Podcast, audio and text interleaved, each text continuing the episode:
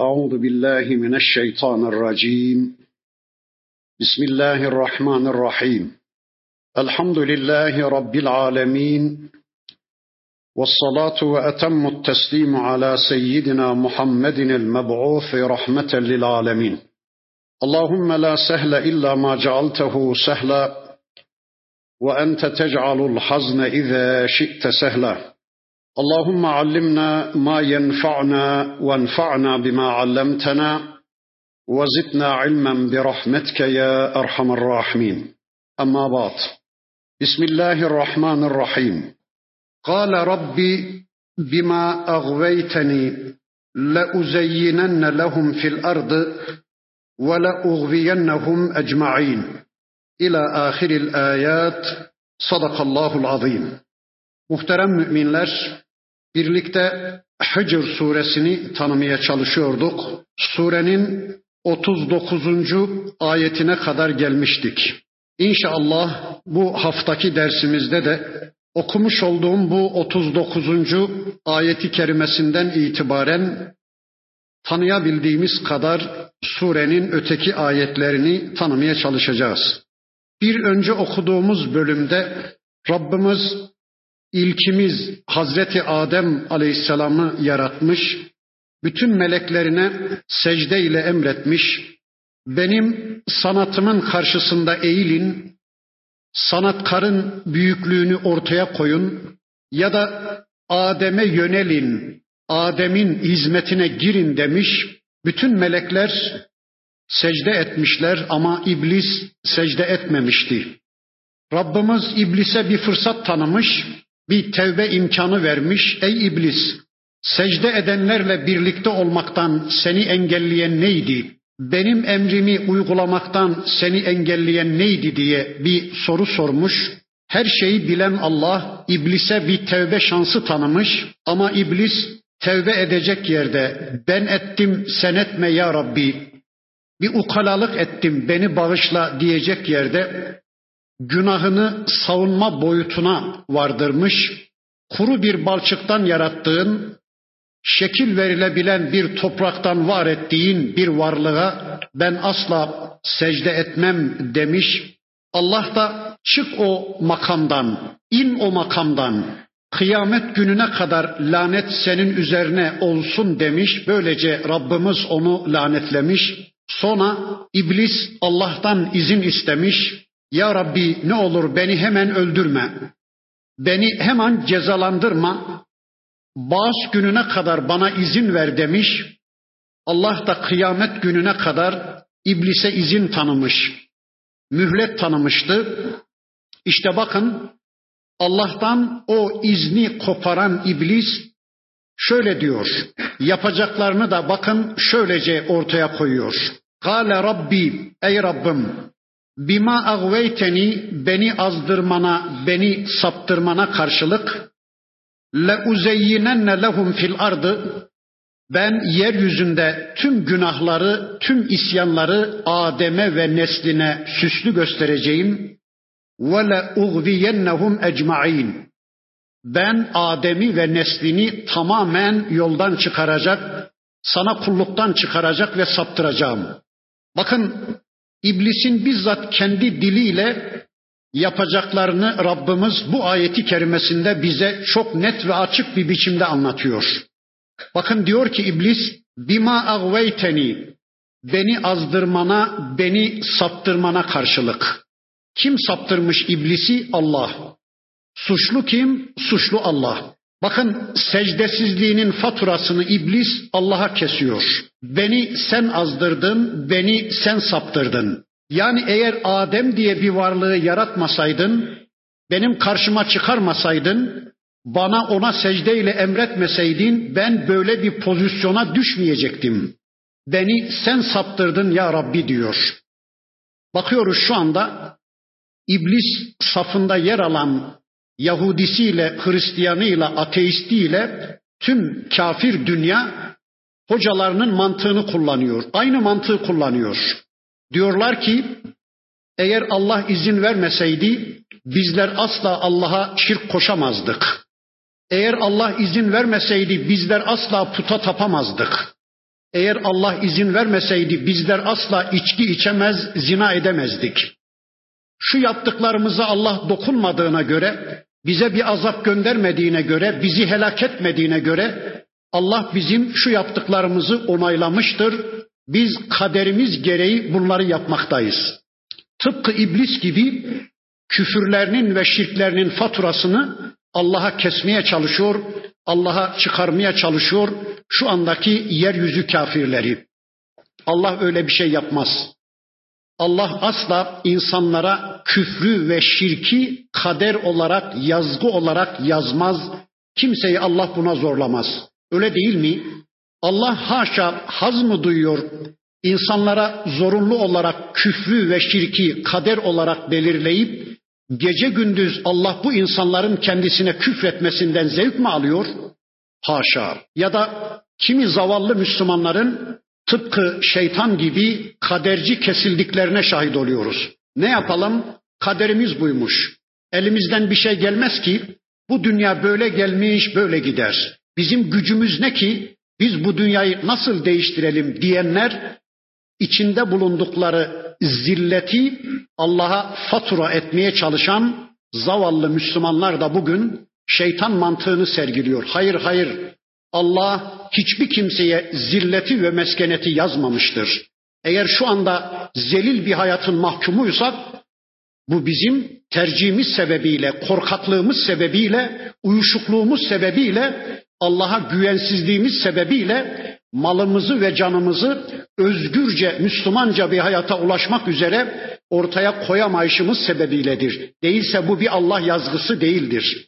Bakın iblis diyor ki ya Rabbi beni azdırmana, beni saptırmana karşılık. Kim suçlu? Suçlu Allah.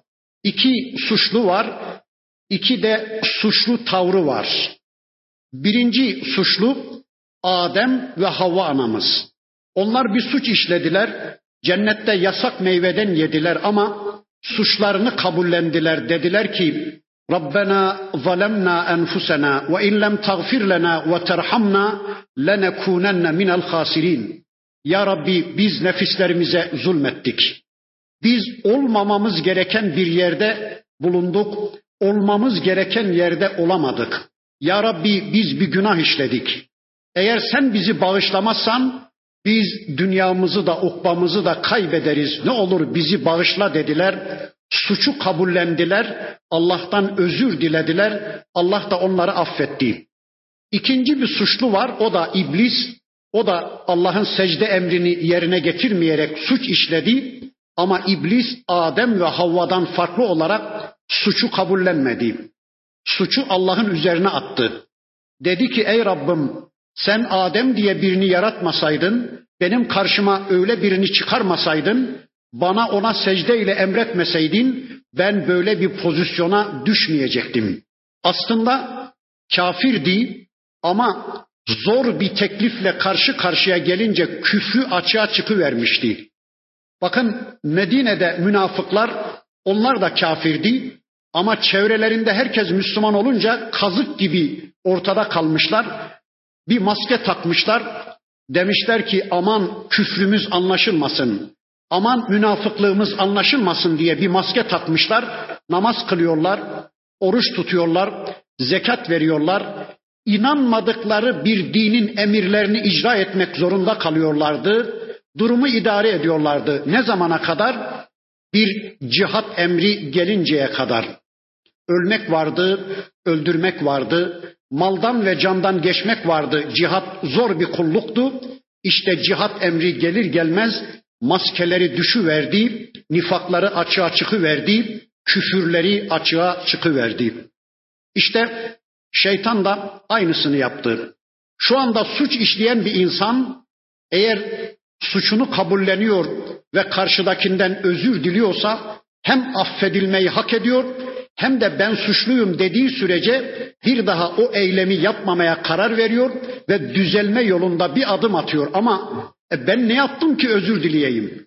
Ben bir suç işlemedim ki diye suçu kabullenmeyen, suçu hep karşısındakine atan kişi ise hem affedilmeyi, affedilme hakkını kaybediyor hem de düzelme yoluna girmiyor. o da bir şeytan mantığıyla hareket ediyor demektir. Bakın iblis dedi ki ya Rabbi beni azdırmana, beni saptırmana karşılık le uzeyyinenne lehum fil ardı. Ben de adına saptığım Adem'in neslini yeryüzünde saptıracağım. Dünyada bütün kötülükleri, bütün haramları ben onlara tezyin edecek, süsleyeceğim. Ben onların tümünü saptıracağım. Bakın diyor ki şeytan, Ya Rabbi senin dinine alternatif dinler çıkaracağım ortaya. Senin sistemine alternatif sistemler geliştireceğim. Komünizm gibi, faşizm gibi, kapitalizm gibi, demokrasi gibi, laisizm gibi senin sistemine alternatif sistemler geliştirecek. Senin kullarını senin sisteminden koparıp o sistemlerin peşine takacağım. Senin kitabına alternatif kitaplar yazdıracağım. O kitapları, insan kitaplarını senin kitabının önüne geçirteceğim. O kitapları okutturacak, senin kitabını okuyacak, onlarda zaman bırakmayacağım. İşte şu anda neredeyse kimi meclislerde Allah'ın kitabını okumak bile yasak. Başka kitaplar öne alınmış. Aman bizim Efendi Hazretleri dini Allah'tan daha güzel anlatır. Önce onu bir okuyun diye bakıyoruz insanlar başka başka kitapların peşindeler. Şeytan yaptırıyor bunu. Ya Rabbi senin örnek şahsiyetlerin, senin yasal örneklerin peygamberler peygamberlerine karşılık ben bir kısım önderleri, bir kısım şahsiyetleri, bir kısım efendi hazretlerini senin peygamberlerine alternatif olarak öne süreceğim. İnsanlar senin peygamberin sünnetine değil, o örnek şahsiyetlerin sünnetinin peşine düşecekler. Ben yeryüzünde insanların anma törenleri yaptıracağım ama İbrahim'i anma töreni, Musa'yı anma töreni, İshak'ı anma töreni diye bir şey yaptırmayacağım. Senin kullarını örnek şahsiyetlerin peşine takacağım. Dünyayı onların gözünde öyle bir kıble haline getireceğim ki iki günlük ömre dört günlük nafaka mantığıyla paranın peşine senin kullarını öyle bir takacağım ki gece gündüz paradan başka bir şey düşünmez hale getireceğim. Ekonomik insan haline getireceğim ve böylece namaza zaman bırakmayacağım. Kur'an sünnet öğrenmelerine zaman bırakmayacağım. Ben dünyayı onların gözünde putlaştıracağım. Dünyayı onların gözünde kıble haline getireceğim. La uğviyennehum ecmaîn ve senin kullarının tamamını saptıracağım. İlla ancak ibadeke minhumul muhlasin senin ihlaslı kulların bunun dışında. Senin ihlaslı kullarına ben bir nane yiyemeyeceğim. Senin ihlaslı kullarına karşı ben bir şey yapamayacağım. Peki kim bu ihlaslı kullar? Bakın halis saf demek, süzülmüş demek, katışıksız demek. Halis, ihlas da oradan gelir. Saf vahiy Müslümanı, katışıksız Kur'an sünnet Müslümanı olanlara ben hiçbir şey yapamayacağım. Ama dinlerini başka yerlerden katıp karıştıranlar, takvim yaprağından din devşirenler, televizyon ekranından din öğrenmeye çalışanlar, hacıdan hocadan din öğrenmeye çalışanlar, yani katışıklı bir din sahibi olanların tümünü saptıracağım ama saf Kur'an sünnet Müslümanı, halis vahiy Müslümanları olanlara ben hiçbir şey yapamayacağım. Ey Müslümanlar, duydunuz değil mi? Allah'ın bizzat şeytanın diliyle yapacaklarını bize intikal ettirmesini, öyleyse eğer şeytanın vartalarına düşmek istemiyorsanız, eğer şeytan peşi sıra gitmek istemiyorsanız, saf Kur'an sünnet Müslümanı olmak zorundasınız. Yaptıklarınızı ve yapmadıklarınızı Kur'an'a sünnete dayandıracak kadar Kur'an sünnet bilgisini artırmak zorundasınız gece gündüz Kur'an sünnet rehberliğinde bir hayata koşmak zorundasınız. Değilse men la şeyha lehu fe şeyhuhu şeytanuhu diye bir söz var ya. Şeyh olarak Kur'an ve sünneti tanımayan bir kişi, amel edecek kadar Kur'an sünnet bilgisine ulaşmamış bir kişi, Sonunda şeytana mahkum olacak, şeytan peşi sıra gitmek zorunda kalacak, şeytan sistemlerinin kulu kölesi olmak zorunda kalacak. Peki onun bu iddialarına, onun bu tehditlerine karşılık Allah ne dedi? Bakın Allah da şöyle buyurdu. قال هذا صراط علي müstakim. İşte benim gerekli kıldığım sırat-ı müstakimim dimdik ayaktadır. Ben kullarımın önüne sırat-ı müstakim diye bir yol açtım. Bir tarafını Kur'an'ın, bir tarafını da sünnetin tespit ettiği çok geniş bir yol, çok geniş bir cadde düşünün. Allah diyor ki benim sırat-ı müstakimim dimdik ayaktadır. Ey iblis ben kullarımı sana mahkum etmedim. Ben kullarımı alternatifsiz bırakmadım. Ben kullarımı bu dünyada yolsuz yordamsız bırakmadım ki onlar sana tabi olsunlar. Ben onların önüne sırat-ı müstakim diye bir yol açtım. Benim kullarım asla sana muhtaç olmayacaklar, sana mahkum olmayacaklar. Bu dünyada alternatifsiz, yolsuz, yordamsız kalmayacaklar. Ama inna ibadi leyse leke aleyhim sultan. Senin benim kullarımın üzerinde hiçbir saltanatın, hiçbir yaptırım gücün yoktur. Hiçbir egemenliğin yoktur. İlla men ittebaake minel gavin. Ancak sana tabi olan azgınlar bunun dışındadır. Eğer kullarımdan birileri sırat-ı müstakime girmek istememişse, eğer kullarımdan birileri kitabı ve peygamberi tanımadan bir hayatı yeğlemişlerse, tamam onlar sana tabi olacaklar ama benim kitabım kıyamete kadar dimdik ayaktayken, benim peygamberimin sünneti kıyamete kadar dimdik ayaktayken, ezilip bozulmamışken benim kullarım asla seni dinlemeyecek. Seni dinleyenler, sana tabi olanlar bunun dışındadır. Ve inne cehenneme lemev'iduhum ecmaîn ve ben cehennemi seninle ve sana tabi olanlarla dolduracağım. Ya Rabbi sen bizi koru. Ben cehennemi seninle ve sana tabi olan, sana avane olanlarla dolduracağım. Leha seb'atu ebvabin o cehennemin yedi kapısı vardır.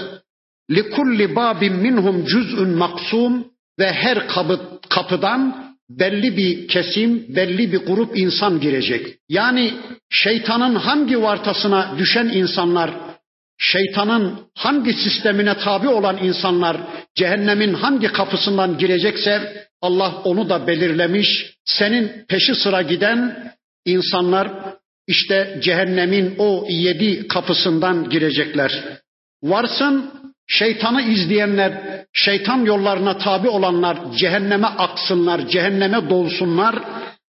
Beri tarafta innel muttakine fi cennatin ve uyun müttakiler yolunu Allah'a soranlar, programını Allah'tan alanlar, Allah karşısında esas duruşunu muhafaza edenler, bir ömür boyu Allah kontrolü altında olmanın bilinci içinde bir hayat yaşayanlar, Allah'ın koruması altına girenler, Allah'ın kitabı ve peygamberinin sünneti eşliğinde Müslümanca bir hayata koşanlar, onlar da cennetlerde ve pınar başlarındadır. Süt ırmaklarının, bal ırmaklarının, şarap ırmaklarının, su ırmaklarının arasında koyu gölgeliklerin altında onlar cennettedirler. Udhuluha bi selamin aminin. Onlara denecek ki ey kullarım buyurun selametle emniyet içinde şu cennetlere girin. Artık sizin için korku yok. Artık sizin için mahzun olma da yok. Dünyada Müslümanlar korkuyoruz değil mi şu anda? Acaba Rabbimizi razı edemedik mi? Acaba şu ana kadar yaşadığımız hayatla Rabbimizin rızasını kazanamadık mı? Acaba yaşadığımız bu hayat bizi cehenneme mi götürüyor?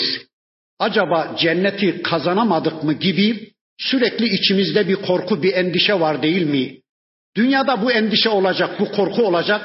Bakın öbür tarafta Allah diyecek ki bitti, bitti. Korkuların tümü bitti. Ey kullarım o korkular dünyadaydı, bitti. Hadi buyurun selametle, emniyet içinde, güven içinde şu cennetlere girin bakalım. Ve nezana ma fi sudurihim min biz cennete girmiş kullarımızın kalplerindeki çekememezlik duygusunu, kıskançlık duygusunu, kini, garazı, nefreti, düşmanlığı, kırgınlıkları ve dargınlıkları söküp aldık. Onların üzerini örtüp örtbas ediverdik. Elhamdülillah. Gerek dünyadan getirdiğimiz kırgınlıklar, dargınlıklar, gerekse o cennet ortamında oluşabilecek küskünlükler, kırgınlıklar, dargınlıklar kaldırılıvermiş. Müslümanlar birbirlerinin yüzüne rahat bakacaklar. Hepsini unutturu vermiş Allah üstüne bir örtü örtü vermiş. Müslümanlar orada birbirlerinin yüzüne rahat bakacaklar. Hazreti Ali Efendimiz der ki bu ayet sebebiyle inşallah Rabbim Talha ve Zübeyir'le benim aramdaki kırgınlıkları da örtü verir de yarın cennette ben onların yüzüne rahat bakarım, onlar da benim yüzüme rahat bakarlar. Gerek o cennet ortamının tadını kaçıracak, orada oluşacak, gerekse dünyadan taşıyıp getirdiğimiz kırgınlıkların, küskünlüklerin, dargınlıkların üstünü örtü vermiş, onların hepsini Allah kaldırıvermiş. İhvanen ala sururin mütekabilin kardeşler olarak, dostlar olarak kalplerinde birbirlerine hiçbir kırgınlık, dargınlık olmadan karşılıklı oturmuşlar koltuklarına, oturmuşlar köşklerine ve orada müminler birbirleriyle kadeh alışverişi yapıyorlar. Bunu nasıl anlayacağız? Bakın ya dünyada birlikte cennet kazanma kavgası verdiğimiz hanımlarımızla, çocuklarımızla, dava arkadaşlarımızla yan yana oturmuşuz, köşklerde oturmuşuz, karşılıklı kadeh alışverişinde bulunuyoruz. Ya da orada bizi bekleyen güneşten daha güzel, aydan daha güzel hurilerle, gılmanlarla karşılıklı oturmuşuz. Orada kadeh alışverişinde bulunuyoruz.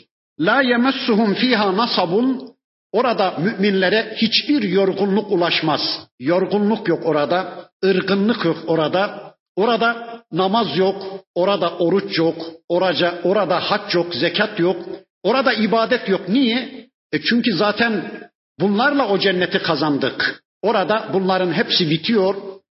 Orada ihtiyarlama yok, orada yaşlanma yok, orada hastalanma yok, orada üşüme yok, orada terleme yok, orada acıtma yok, orada susama yok, orada ölme yok, orada hiçbir şey yok. Ne var? Orada zevk var, eğlence var. Canınız neyi çekti, gönlünüz neyi arzu etti, orada ayağınızın dibinde bulacaksınız. Orada sevip de sevdiğine ulaşamama yok. Orada ayrılık yok. Orada arzu edip de bir şeye ulaşamama, arzu ettiği bir şey elde edememe yok. Orada keyfe keder verici hiçbir şey yok. Orada insanın burun kıvıracağı, ya şu da olmasaydı daha iyi olurdu diyeceği Hiçbir şey yok. Bakın Allah onu anlatıyor. وَمَا هُمْ مِنْهَا بِمُخْرَجِينَ Ve oraya girenler oradan asla çıkmayacaklar. Ebediyen, hiç kaybetmemecesine, hiç çıkmamacasına müminler o cennette kalacaklar. Yani cennetle bütünleşen, cennet nimetlerini kuşanan bir kişiye bin yıl sonra da, on bin yıl sonra da hadi çıkın deyiverse Allah, azap olur. Onun için o cenneti ebediyen kaybetme diye bir şey yok. Öyleyse ey peygamberim nebbi ibadi benim kullarıma şunu bir duyur. Ey Müslümanlar sizler de çevrenizdeki Allah kullarına şunu bir duyurun. Neymiş duyuracağımız şey? Bakın Allah diyor ki kullarıma duyur ki ey peygamberim enni enel gafurur rahim. Ben gafur ve rahimim. Ben örtenim, örtbas edenim. Gafur, örten, örtbas eden, kale almayan, dikkate almayan demek. Hesaba katmayan demek. Neyi? Bakın Allah diyor ki, kullarım beni sevdikleri sürece, kullarım bana inandıkları sürece, kullarım beni razı etme yolunda oldukları sürece, ben onlardan sadır olabilecek ufak tefek kusurları asla dikkate almayanım, örtü veren, örtbas veren, kale almayanım. Yani ben kullarımı kullarımdan çok sevenim. Ben kullarıma kullarımdan daha çok merhamet edenim. Ben kullarımın hayrını, şerrini, menfaatini, zararını onlardan daha çok düşünenim. Lakin Bunu duyunca kullarım yamışı vermesinler, gevşeyi vermesinler. Ve enne azabi huvel azabul elim. Şunu da unutmasınlar ki benim azabım da dayanılmazdır. Benim azabım da elimdir. Buyurun tercih sizin elinizde. İkisinden hangisini dilerseniz onu tercih edin. Şu anda tercih sizin elinizde diyor Allah. Eğer bana imana, bana kulluğa yönelirseniz, benim rahmetimden istifade etme cihetine giderseniz, benim cennetimi tercih ederseniz, ben size rahmetimle muamele edip cennetimi yaratacağım. Yok eğer benim azabımı tercih ederseniz, benim cehennemimi tercih ederseniz ben size cehennem yaratacağım. Öyleyse bu ikisinden birini tercih etmek şu anda sizin elinizde diyor Rabbimiz. Bundan sonra ve nebbihum an zayfi İbrahim diye ey peygamberim benim kullarıma İbrahim'in misafirlerini de anlat diye tarihi bir olay anlatacak Rabbimiz. Ben inşallah kısa bir özet yapayım. Ondan sonraki ayetleri birlikte okuyarak o tarihi hadiseyi yakından tanıyalım. Allah'ın melekleri Allah'tan emir almışlar. Lut kavmini helak etmek üzere yola çıkmışlar. Ama Lut gölünün bulunduğu bölgede ikamet eden Lut aleyhisselamın evine gelmeden önce yolda Halilur Rahman kentinde ikamet eden İbrahim aleyhisselamın evine uğrarlar. Lut Gölü ile Halilur Rahman kenti arasında yüz küsür kilometrelik bir mesafe var. Halilur Rahman kentinde İbrahim Aleyhisselam ikamet ediyor. Yeğeni Lut Aleyhisselam da Sodom ve Gomorre diye iki büyük şehir var. Şu andaki Lut Gölü'nün bulunduğu ortamda orada da Lut Aleyhisselam elçi. Allah'ın melekleri insan suretinde İbrahim Aleyhisselam'ın evine uğrarlar. Bakın Allah şöylece anlatır. İz dakalu aleyhi İbrahim Aleyhisselam'ın huzuruna girdiler Allah'ın melekleri.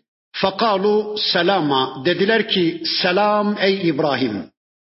Allah'ın selamı senin üzerine olsun ey İbrahim dediler ve İbrahim Aleyhisselam da ve aleykum selam dedi. Allah'ın selamı sizin de üzerinize olsun dedi. Onların selamını aldı ve bakın İbrahim Aleyhisselam şöyle dedi. Kale inna minkum vecilun. Biz sizden korkuyoruz.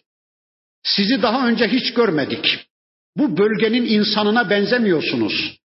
Sizinle daha önce hiç müşerref olmadım dedi ve İbrahim Aleyhisselam'ın içine bir korku düştü. Korkusunun sebebi de Kur'an'ın başka surelerinde anlatıldığına göre şöyleydi. İbrahim Aleyhisselam çok cömert bir peygamberdi. Peygamber Aleyhisselam'ın hadislerinin beyanıyla İbrahim Aleyhisselam misafirperver bir peygamberdi. Evinde misafir olmadıkça sofrasının başına oturmayan bir peygamberdi. Hatta zaman zaman misafir bulamamışsa çevreyi tarassut eder, bir yabancı, bir garip kuraba var mı diye onları alır gelir onlarla birlikte sofraya oturan bir peygamberdi. Hiç misafir eksik değildi. Yine bir kısım misafirler gelmişti evine ama bu sefer gelen misafirler farklıydı. Bunlar insan değildi. Bunlar melekti ama insan suretinde gelmişlerdi. İbrahim Aleyhisselam'ın evine oturdular. Cömert İbrahim Aleyhisselam hemen bir buzağı kızartıp gelen misafirlerin önüne ikram etti. Buyurmaz mısınız, yemez misiniz dedi. Baktı ki o misafirler yemeğe el uzatmıyor. Yemeğe sunmuyorlar. İbrahim Aleyhisselam'ın içine bir korku düştü. O günün dünyasında bir eve gelen misafirler eğer ev sahibinin ikramını kabul etmemişlerse ev sahibine düşmanlık maksadıyla geldikleri anlaşılırmış. İşte İbrahim Aleyhisselam'ın kalbine bir korku düştü. Acaba kim bunlar? Benim ikramımı da reddettiklerine göre herhalde bana düşmanlık niyetiyle geldiler diye içine bir korku düştü. Çünkü Allah'ın elçisi İbrahim Aleyhisselam Allah'ın misafirlik yasasına uygun hareket etmişti.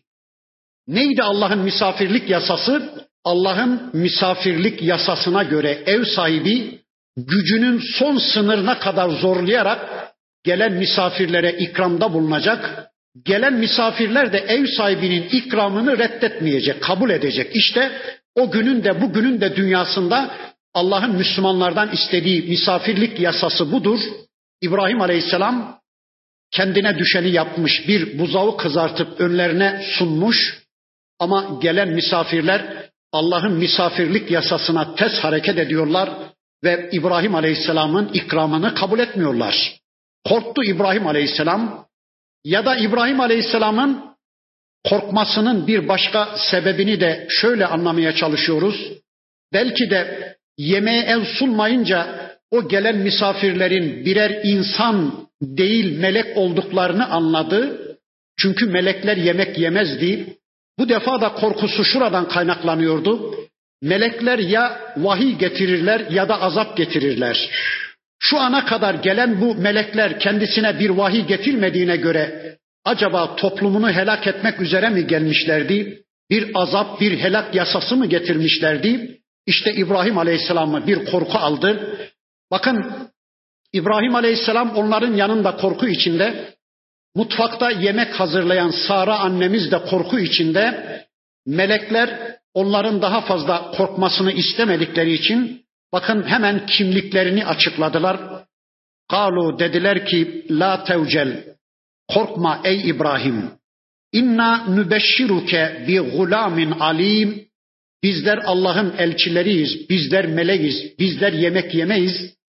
Bizler sana alim bir çocuk müjdelemeye geldik alim bir çocuk Safat suresinde Halim bir çocuk müjdelemişlerdi. O İsmail Aleyhisselam'dı. Burada da alim bir çocuğun müjdesiyle gelmişler melekler. Bu da İshak Aleyhisselam. Yani Allah'ın kendisine bilgi aktaracağı, Allah'ın kendisini vahyine muhatap kabul edeceği ve yeryüzünde vahiy eşliğinde bir hayat yaşayacak, bilgiyle amel edecek bir elçi, bir peygamber çocuk müjdeliyoruz dediler. Ve bakın İbrahim Aleyhisselam bu konudaki şaşkınlığını, taaccübünü şöylece ortaya koydu. Çünkü İbrahim Aleyhisselam Allahu alem 114 116 yaşlarındaydı. Sara annemiz de yine o yaşlardaydı. İbrahim Aleyhisselam erkeklik misyonlarını yitirmiş. Sara annemiz de kadınlık fonksiyonlarını kaybetmiş. Her ikisinden de Allah'ın mevcut yasalarına göre bir çocuğun dünyaya gelmesi mümkün değildi. Bakın İbrahim Aleyhisselam dedi ki: "Kale ebeşşertumuni ala en messeniyel kiberu." Şu yaşlılık halimde bana bir çocuk müjdesi veriyorsunuz ha? Yani ben kuru bir değnek, karım da kuru bir değnek. Üstelik karım gençlik yıllarında bile bir çocuk doğuramadı. Karım kısırdı. Şu yaşta bize bir çocuk müjdeliyorsunuz öyle mi? Yani Allah'ın yeryüzündeki o gün mevcut olan yasalarına göre bizden bir çocuğun dünya gelmesi kesinlikle mümkün değil dedi. Febime tübeşşirum. Neye göre bize müjde veriyorsunuz? Bu müjdeyi neye dayanarak veriyorsunuz dedi İbrahim Aleyhisselam. Bakın Allah'ın elçileri, melekler dediler ki: "Kalu beşşernake bil hakkı fela tekun minel kanitin. Ey İbrahim biz bu müjdeyi hak olarak veriyoruz. Haklı olarak, gerçek olarak veriyoruz. Sakın Allah'ın rahmetinden ümidini kesenlerden olma. Bakın yasalar Allah'ı bağlamaz. Şu anda mevcut bir yasa var. Erkeklik misyonlarına sahip bir erkek, kadınlık fonksiyonlarına sahip birisiyle bir araya gelecek. Öyle çocuk dünya gelecek. Allah'ın şu anda yeryüzünde mevcut yasası bu. Ama yasalar Allah'ı bağlamaz. Yasalar bizi bağlar.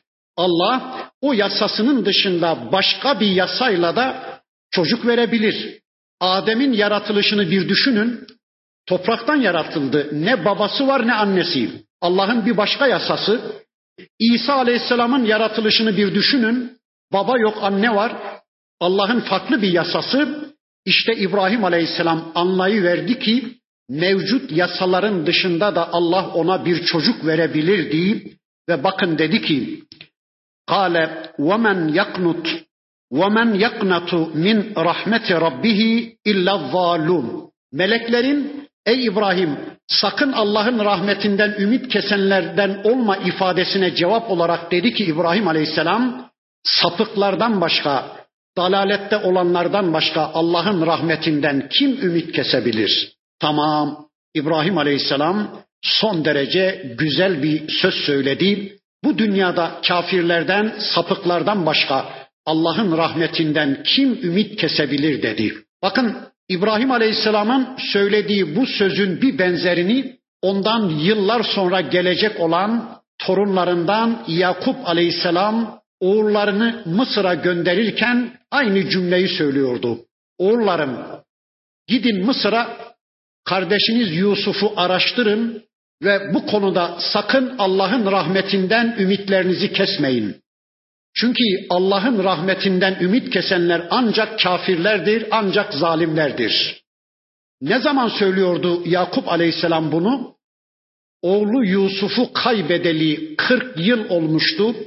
Aradan 40 yıl geçmişti. Bakın diyor ki Yakup Aleyhisselam oğullarım gidin Mısır'a Yusuf'u araştırın ve sakın zinhar Allah'ın rahmetinden ümitlerinizi kesmeyin.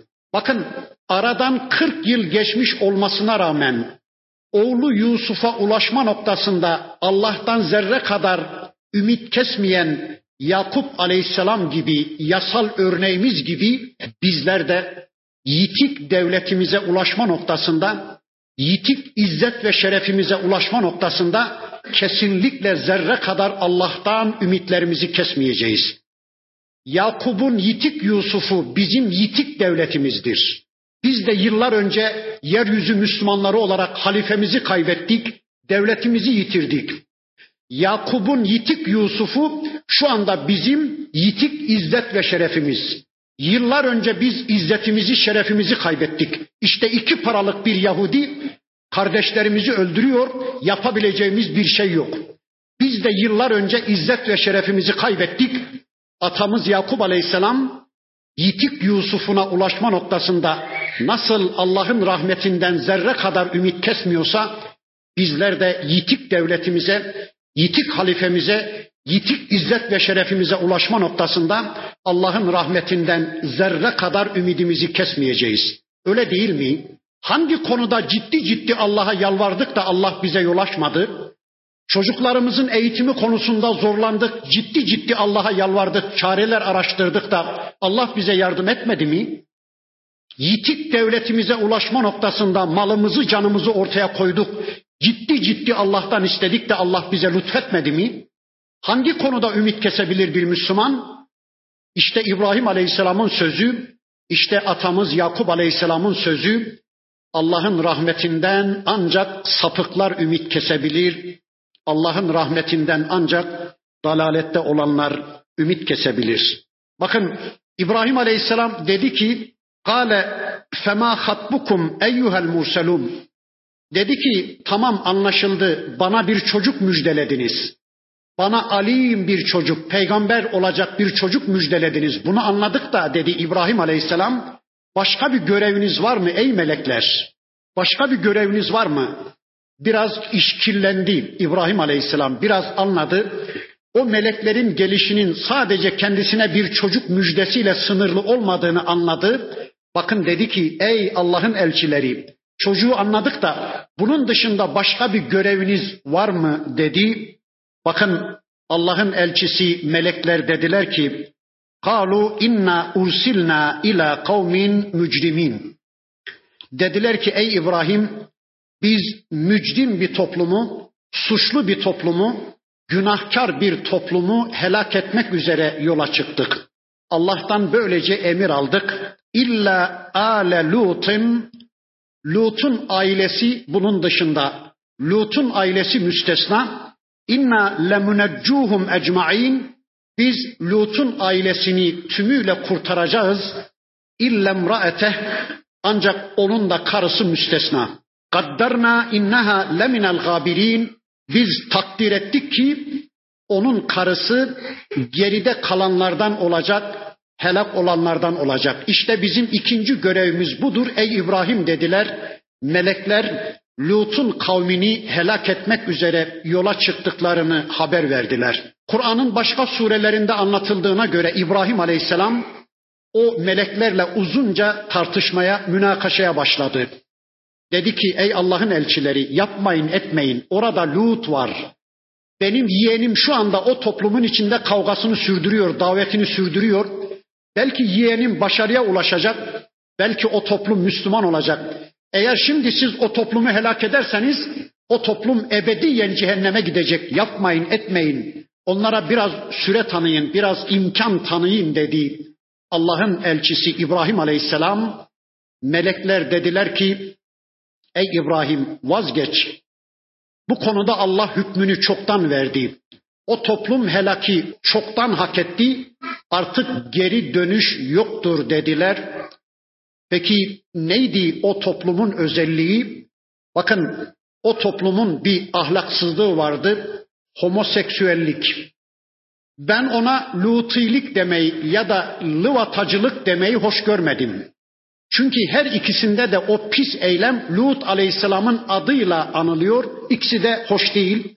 Lutilik demek de yani Lut aleyhisselamın adına izafeten o ahlaksızlığı isimlendirmek de livatacılık demek de hoş değil. Ona ahlaksızlık deyin, homoseksüellik deyin ama lutilik ya da livatacılık demeyin. Neymiş o?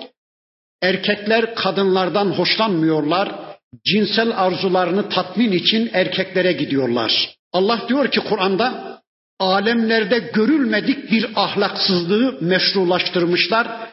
Cinsel sapıklığı Allah'a ve peygambere kafa tutacak seviyeye çıkarmışlar. Peki bunun sebebi neydi? Bunun sebebi benim anladığım şu. Eğer bir toplumda yaşayan erkekler istedikleri kadınla yatabilme özgürlüğüne ya da çılgınlığına ulaşmışlarsa artık kadınlara karşı bir tiksinme başlayacak, kadınlara karşı bir doyum başlayacak, bir tatminsizlik başlayacak ve erkekler doyum için erkeklere gitmeye başlayacak. Eğer bir toplum içinde yaşayan erkekler istedikleri kadına ulaşabilme çılgınlığına ulaşmışlarsa artık bir tatminsizlik başlayacak. İşte şu anda Amerika'da, şu anda İngiltere'de, şu anda müşrik batıda erkekler istedikleri kadar kadınla birlikte olabilme çılgınlığına ulaştığı için doyumsuzluk başlamış ve erkekler erkeklere gidiyorlar. Belki o dönemde Lut Aleyhisselam'ın toplumu içinde kadınlar da kadınlara gidiyorlardı bilmiyoruz.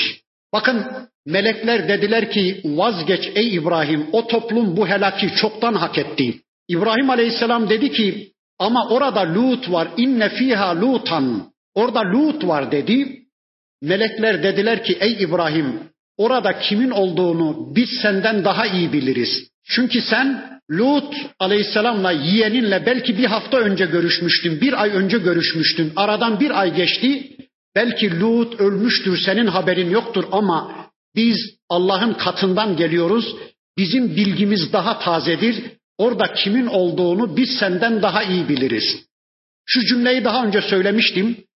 Allah ve peygamberle bilinen bilgi kişinin kendi tecrübeleriyle, duyularıyla ulaştığı bilgiden her zaman üstündür. Yine bakın meleklerin bir başka sözünü şöylece paylaşayım sizinle. Melekler dediler ki, ey İbrahim biz Lut kavmini yokladık. Fema vecetna fiha gayra beytin minel müslimin.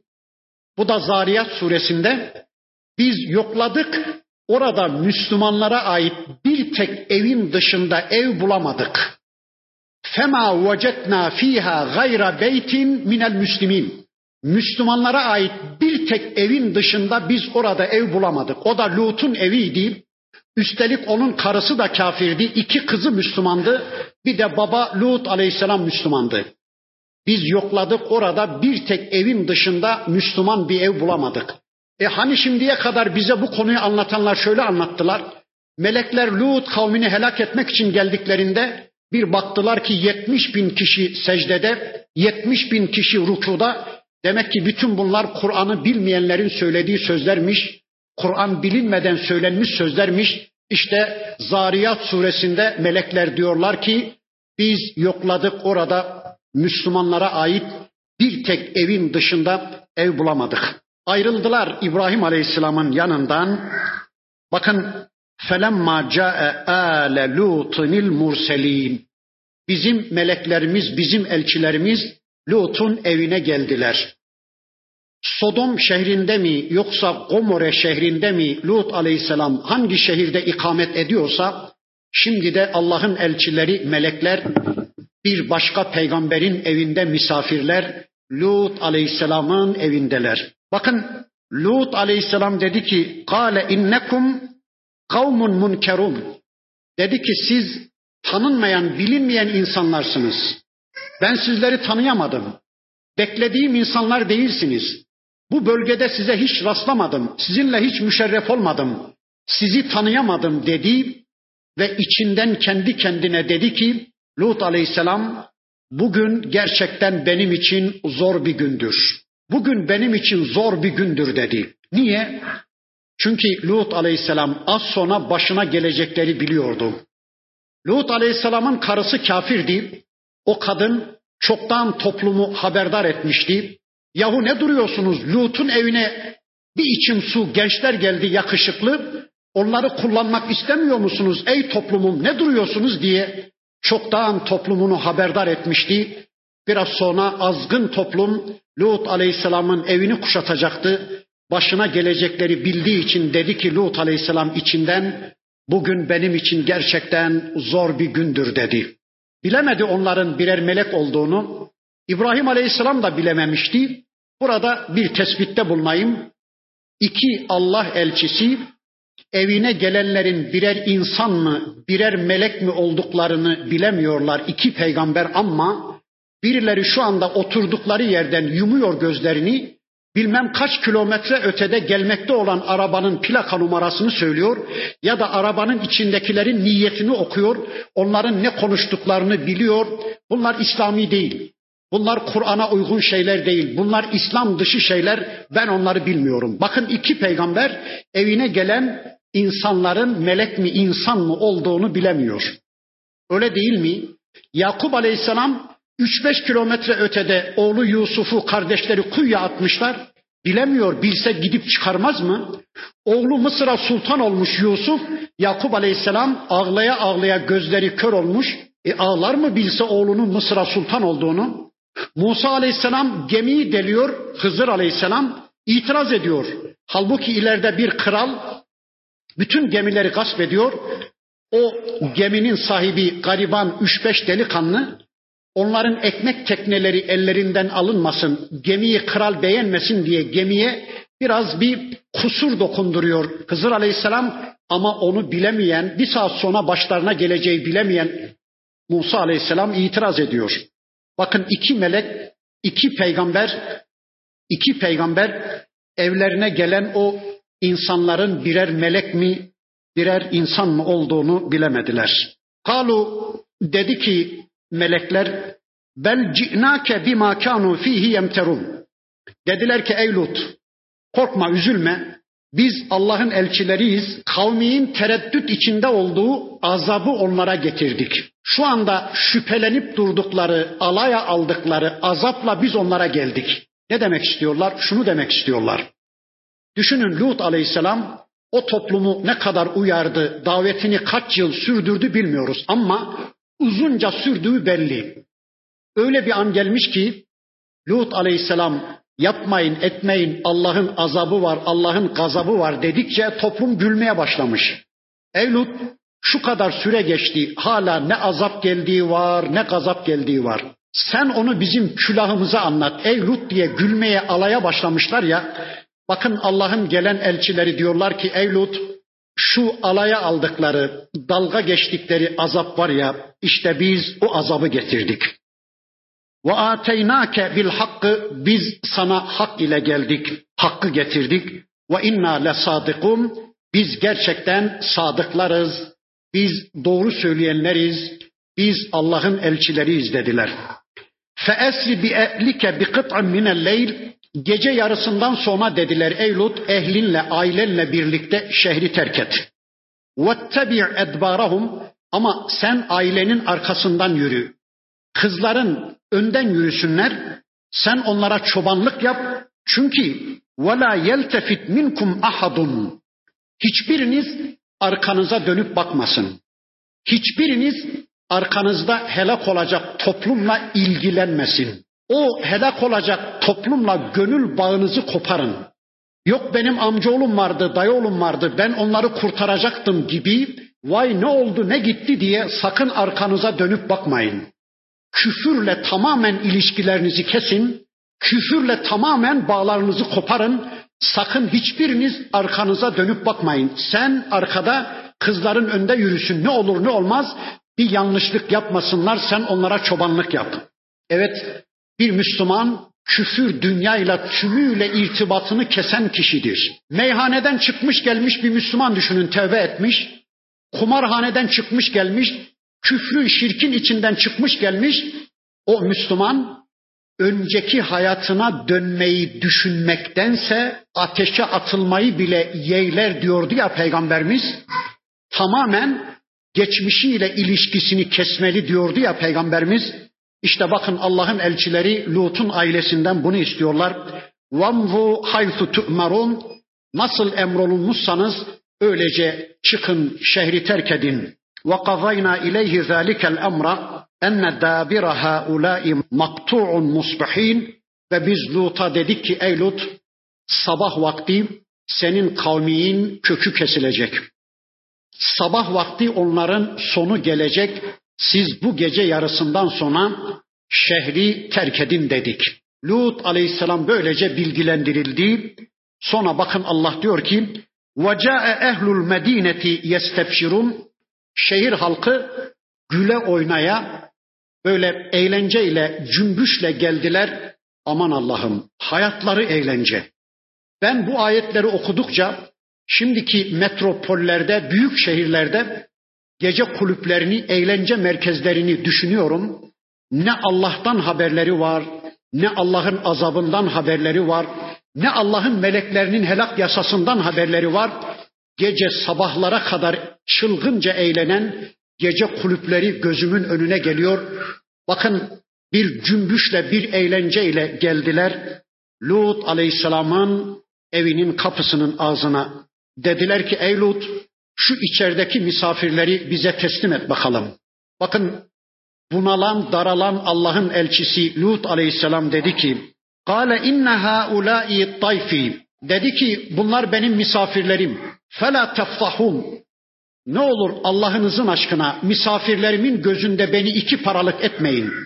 Misafirlerimin yanı başında beni rezil rüsva etmeyin.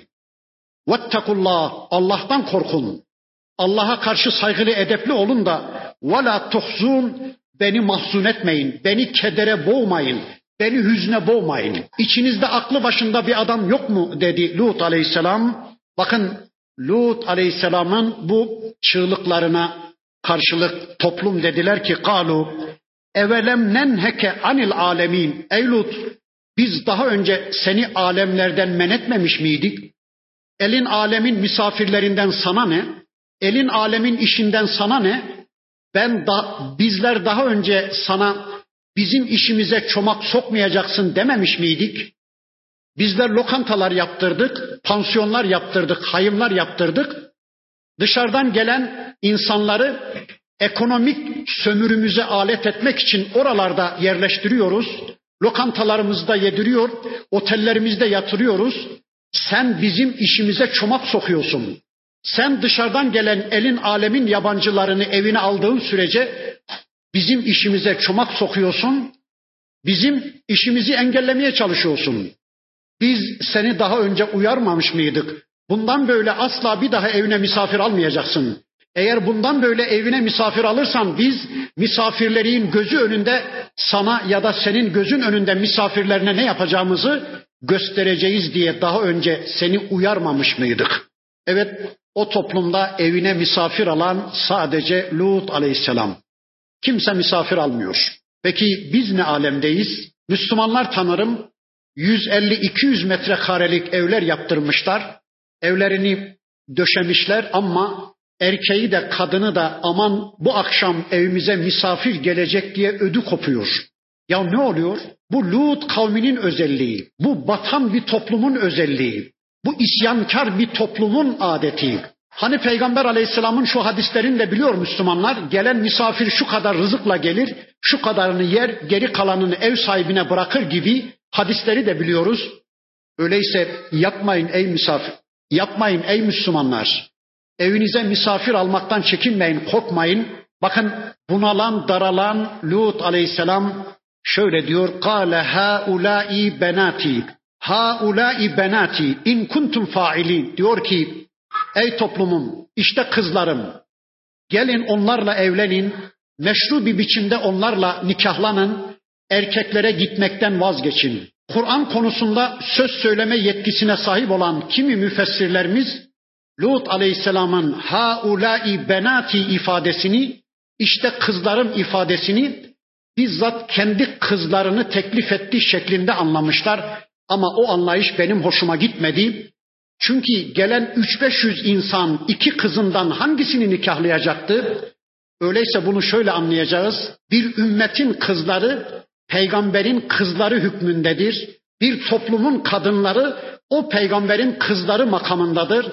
Peygamber baba makamındadır. Bu sözüyle bakın Lut aleyhisselam onlara şunu söylüyordu. İşte ümmetimin kadınları, ey kavmim, işte ümmetimin kızları, gelin onları nikahlayın. Meşru bir biçimde onlarla evlenin. Cinsel arzularınızı Allah'ın istediği biçimde doyuma ulaştırın. Hem de nesil devam etsin. Erkeklere gitmekten vazgeçin. Bu ahlaksızlıktan vazgeçin diyordu Allah'ın elçisi Lut aleyhisselam. Son bir ayette okuyorum. Le amruke bu sefer sözü peygamberimize döndürdü Rabbimiz. Senin ömrüne yemin olsun ki ey peygamberim. Ne güzel bir ifade. Allah peygamberimizin ömrüne yemin ediyor. La umruke senin ömrüne yemin olsun ki ey peygamberim. İnnehum lefi sekratihim ya'mehun. Toplum zirve noktada çılgınlığı içindeyken çılgınlar gibi eğlenirlerken fe ehazethumus sayhatu muşrikin işrak vakti bir çığlık onları yakalayıverdi. Bir sayha onları yakalayıverdi. Allah'ın azabı gelince her taraftan çığlıklar yükselmeye, feryatlar yükselmeye başlayıverdi. فَجَعَلْنَا عَالِيَهَا سَافِلَهَا وَاَمْطَرْنَا عَلَيْهِمْ حِجَارَةً مِنْ سِجِّيلٍ Sodom ve Gomorre diye iki büyük şehri melekler gökyüzüne kaldırmışlar. Ters çevirip yere vuru vermişler. O bölge çökü vermiş bir krater göl oluşmuş. Deniz seviyesinden 300 metre aşağı çöküvermiş. İşte şu anda Lut Gölü'nün altında birisi 900 bin nüfuslu, diğeri 800 bin nüfuslu iki büyük şehir yatıyor. Ne ses veren var, ne bir hareket var, ne bir devinim var. İşte Allah'la savaşanların acı neticesi. Vücutum benim vücutum, istediğim yerde kullanırım tenasül organım bana ait onu istediğim yerde kullanırım diyen Allah'ın nikah yasasına karşı gelen, Allah'ın fıtrat yasasını reddeden, cinsel ahlaksızlığı Allah'a ve peygamberine kafa tutacak seviyeye çıkaran bir toplumun acı sonu, acı neticesi, acı akıbeti. Allah bizleri Allah'la çatışanlardan, peygamberleri reddedenlerden, Allah'ın fıtrat yasasının dışında bir hayat yaşayanlardan eylemesin. Rabbim bir ömür boyu Kur'an sünnet rehberliğinde Müslümanca bir hayat yaşayıp dünyasını cennete çeviren, öbür tarafını da cennete çeviren kullarından eylesin. Kaldığımız yerden öteki ayetleri tanımak için tekrar bir araya gelmek üzere Allah'a emanet olun. Subhaneke Allahumma ve bihamdik. Eşhedü en la ilahe illa ente estağfiruke ve etubu ileyk. Velhamdülillahi Rabbil alemin.